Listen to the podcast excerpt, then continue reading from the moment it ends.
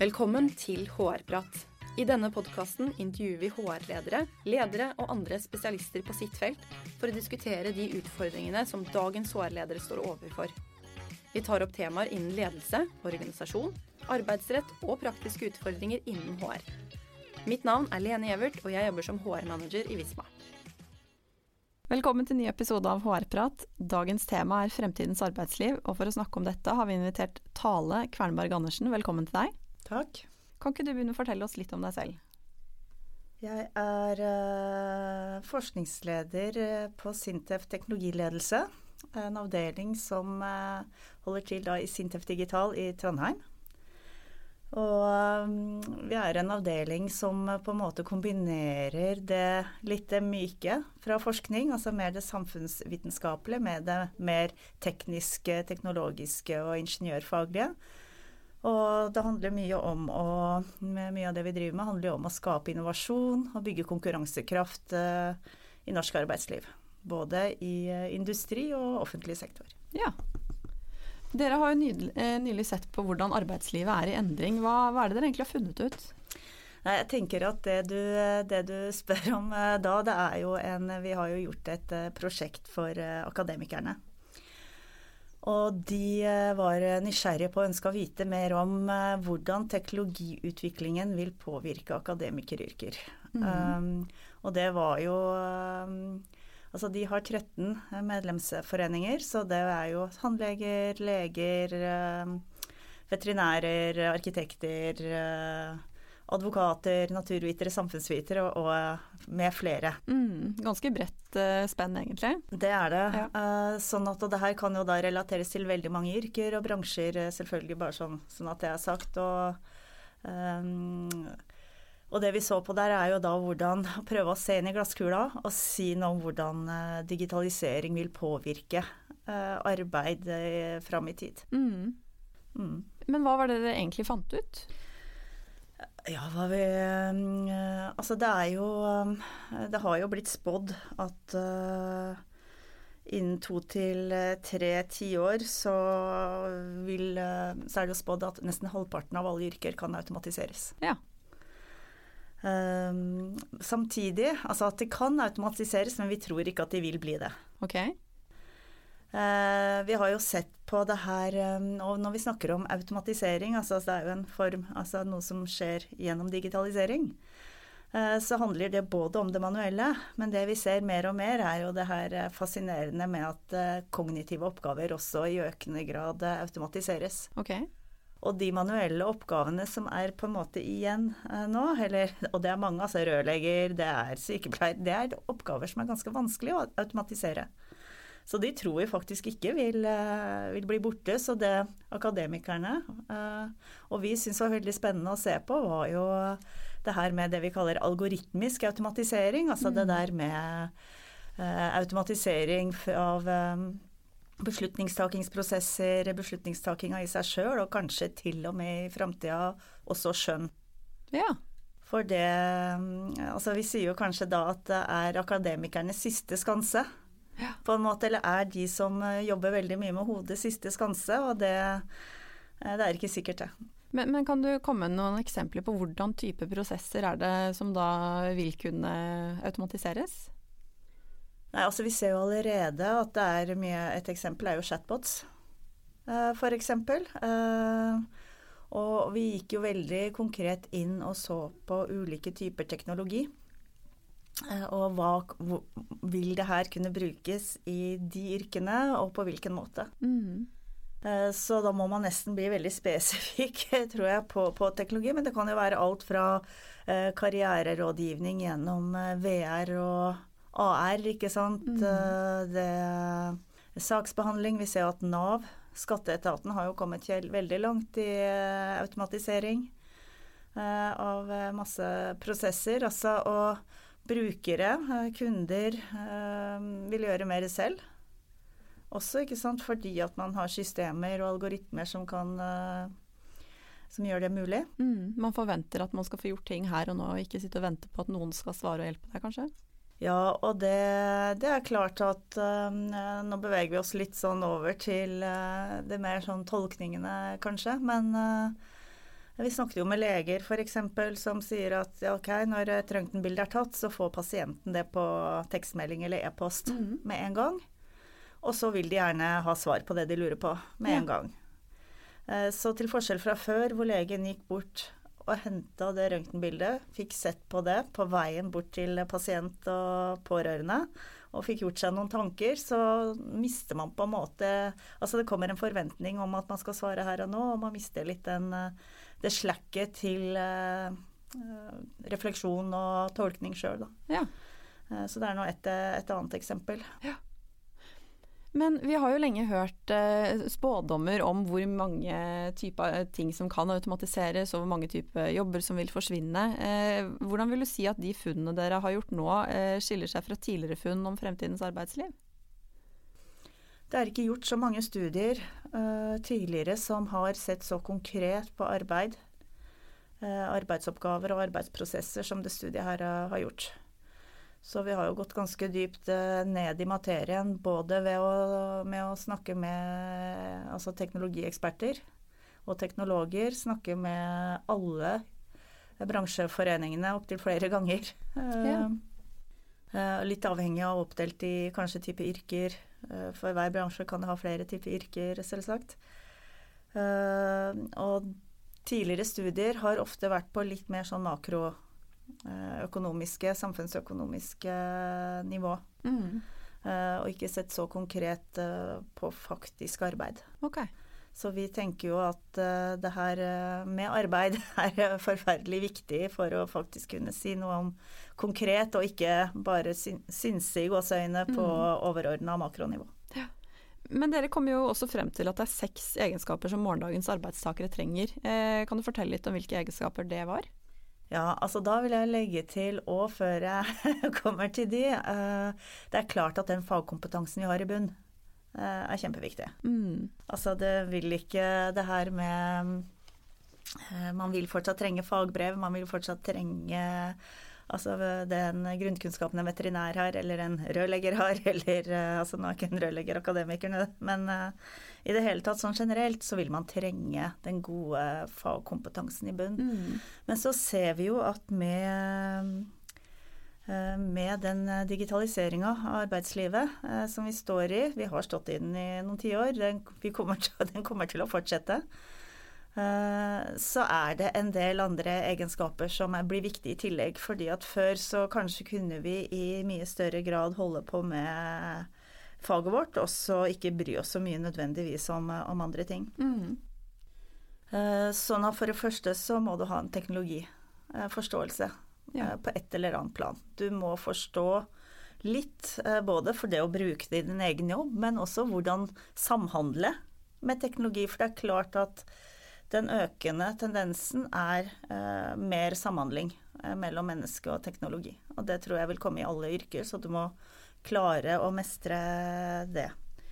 Eh, jeg tror det var for 13 år siden, da, nå har jeg jobba som forsker i 20 år, eh, så var jeg ute med elektrikere, elektromontører, i Hafslund. Og ute, det var i Oslo-gryta sånn eh, i november, det var kjempekaldt. Og så sier, og de, de, Noen av dem hadde jo fagbrev eh, da også, og de var ganske unge gutter på kanskje 36 år eller noe sånt. Og da kunne de, noen av dem hadde jobba i 20 år allerede. Uh, og så sier, men så sier han ene at ja, nå, han hadde akkurat fått seg samboer, så nå hadde han begynt, og hun hadde begynt å vise ham hvordan han kom seg på nettet. så, så, ikke sant, vi, vi, må, vi må, forstå at det, det, er store forskjeller på folk. Og en annen sa at ja, ja, på yrkesskolen da, så pleide vi å stå og le litt av de der datanerdene. Og gjett hvem som ler nå. Mm. så ja, så det har jo skjedd en, en, rasende utvikling. Så vi sier jo på en måte at det her med Vi må race with the machines, og ikke rage against ja.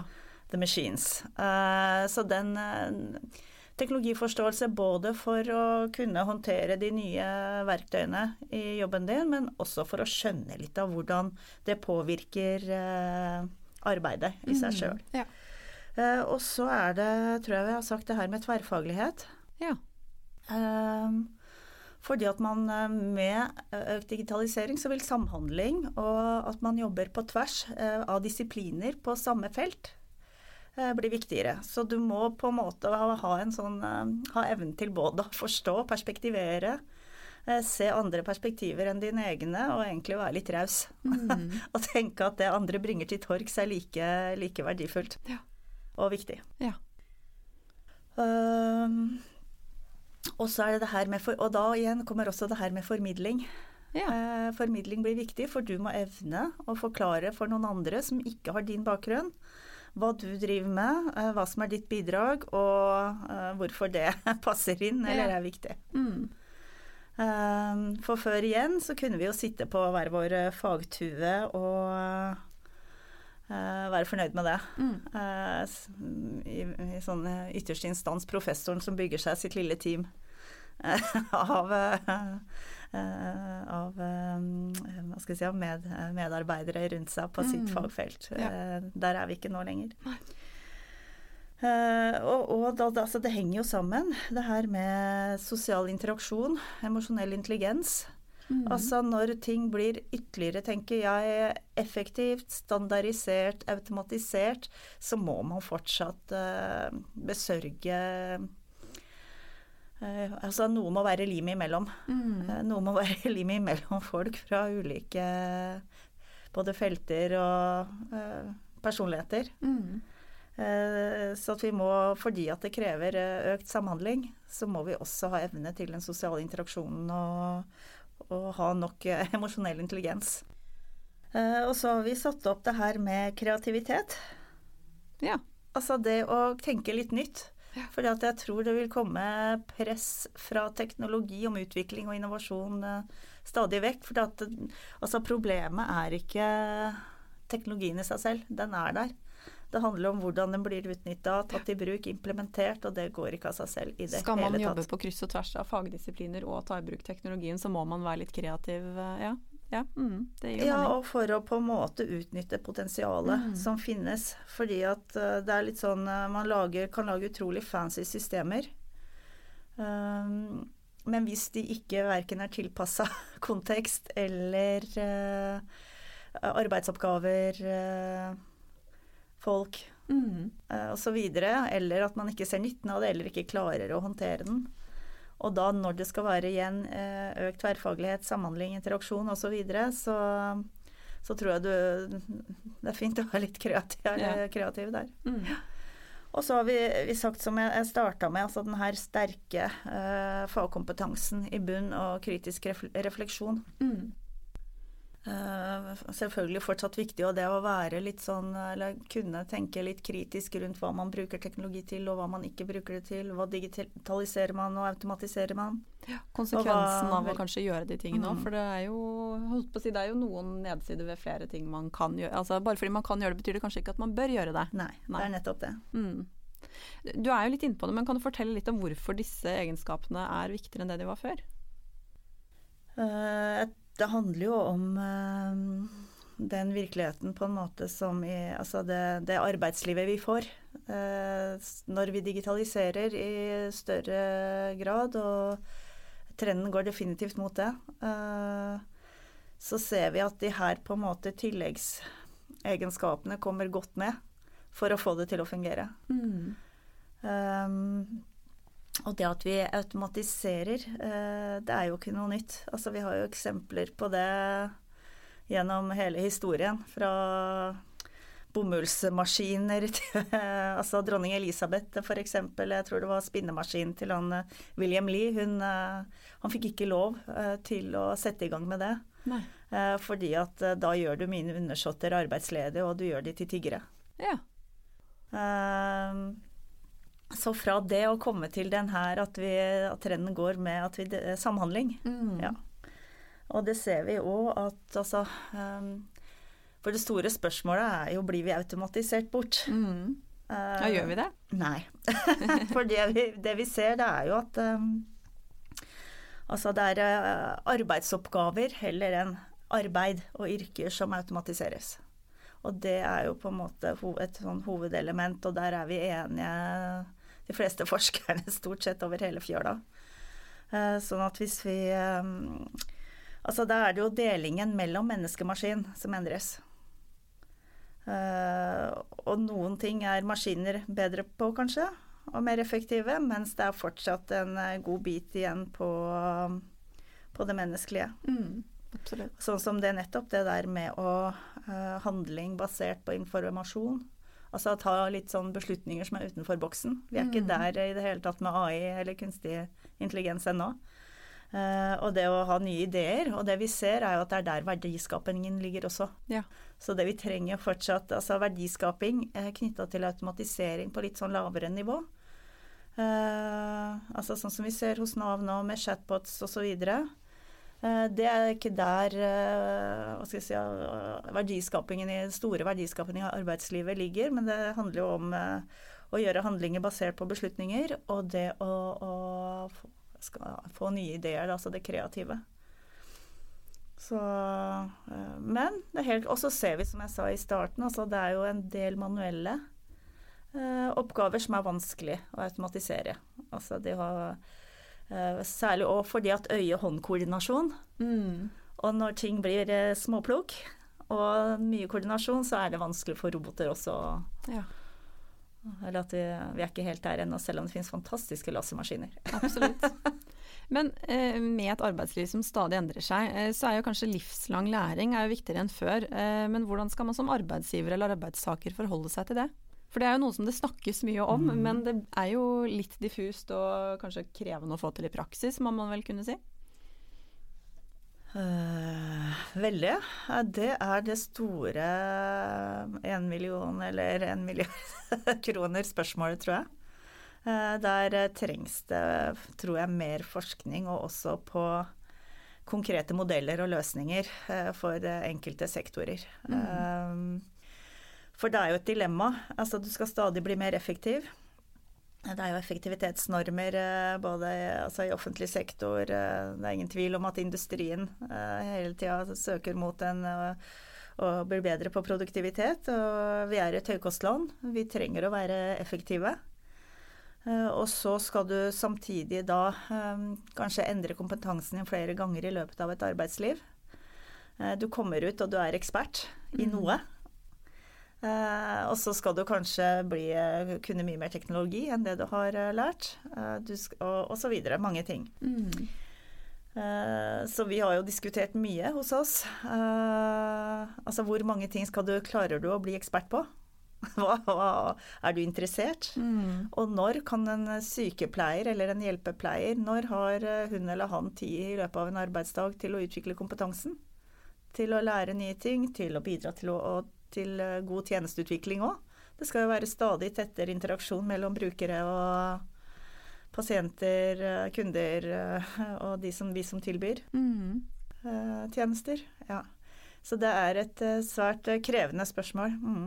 Men, men, de som hører på, hvordan skal man forholde seg til eller sånn, hva, si, hva, kan man gjøre når vi nå snakker om dette her, hvis man skal gjøre noe i dag eller i løpet av neste ukene, månedene, hvis man i sin virksomhet mm. liksom skal ta dette her inn over seg? Mm. På en måte, Hvilken ende skal man starte i? Jeg tror eh, for det første at man må ta det skikkelig på alvor. man må tenke at ok, det her eh, Altså hvis man Ja, jeg tror man må mene alvor med det. Og så tenker jeg at man må prøve å ha en eh, si, et utviklingsløp, legge opp noe som eh, på en eller annen måte ikke konkurrerer så mye med drift. Mm. Altså at uh, det er jo det når du Hvis alt som kommer fra, er noe som kommer fra sida, og som gjør at du blir hefta i, arbeids, i din arbeidsutførelse, og at det betyr at du blir bakpå, må jobbe mer på kvelden, eller altså Eh, så det å få til den balansen mellom utvikling og, og god drift, mm. Eh, det blir jo et nøkkel, nøkkelpunkt, tenker jeg, både for bedrift, som trenger den, en viss verdiskaping, og for den ansatte, som uh, vanligvis har, har, mer enn nok å, å, holde på med. Mm. Uh, og så tror jeg at man skal være flink til å flink, ja, kanskje både flink, flinkere, alt ettersom, til å uh, bruke de sterke egenskapene. Altså vi, vi har litt eh, vi har, vi har ulike styrker og svakheter. Uh, og det å som arbeidstaker uh, å få lov til å spille sko der man har interesser og styrker fra før, tror jeg kan være fornuftig og eff mer effektivt. Mm. Enn at man skal bli satt inn og måtte lære seg noe man som er, er demotiverende i seg selv. Ja. Uh, man, ja, har, vi har jo ikke utarbeida en spekk på akkurat det her, men jeg tror det, det er noen viktige punkter. Altså det å ha den gode tenke, tenke ut den gode balansen mellom drift og utvikling, og, og spille. Mm. At man som arbeidsgiver da, eh, spiller folk gode der de er best. Ja, mm. absolutt. Før vi runder av, eh, hvis du skal gi tre råd, hvilke tre råd er det du da vil gi til de HR-lederne som hører på, for at de skal lykkes med å ruste virksomheten for fremtiden? Lite og enkelt spørsmål. Ja, ehm, for det første så tenker jeg at det her uh, ikke bare er et spørsmål til HR-lederne. Uh, for de skal ikke stå alene. De er, jo, de er jo en del av en bedrift.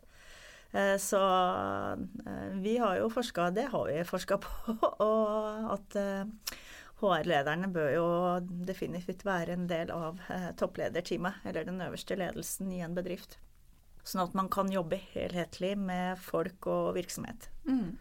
Sånn at det ikke bare handler om å stryke folk litt på ryggen eller å eh, tenke utvikling som en egen del, men at den utviklinga må jo være som hånd i hanske. Integrert med strategien til virksomheten. Ja. Mm.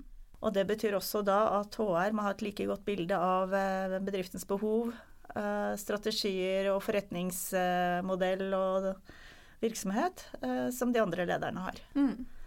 Eh, så det samspillet må være veldig tett. Eh, og så er det jo som vi sa, sammen med andre ledere, da eh, finne ut hva som er behov hvor, i forhold til hvor man skal, og hvem, hvem, som skal satses på i forhold til hva. Mm.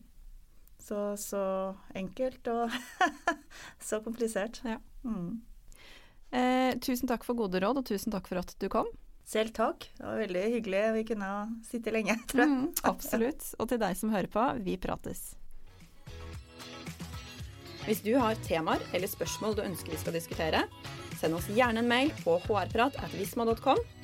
Og for flere episoder, sjekk ut visma.no slash podkast slash hrprat.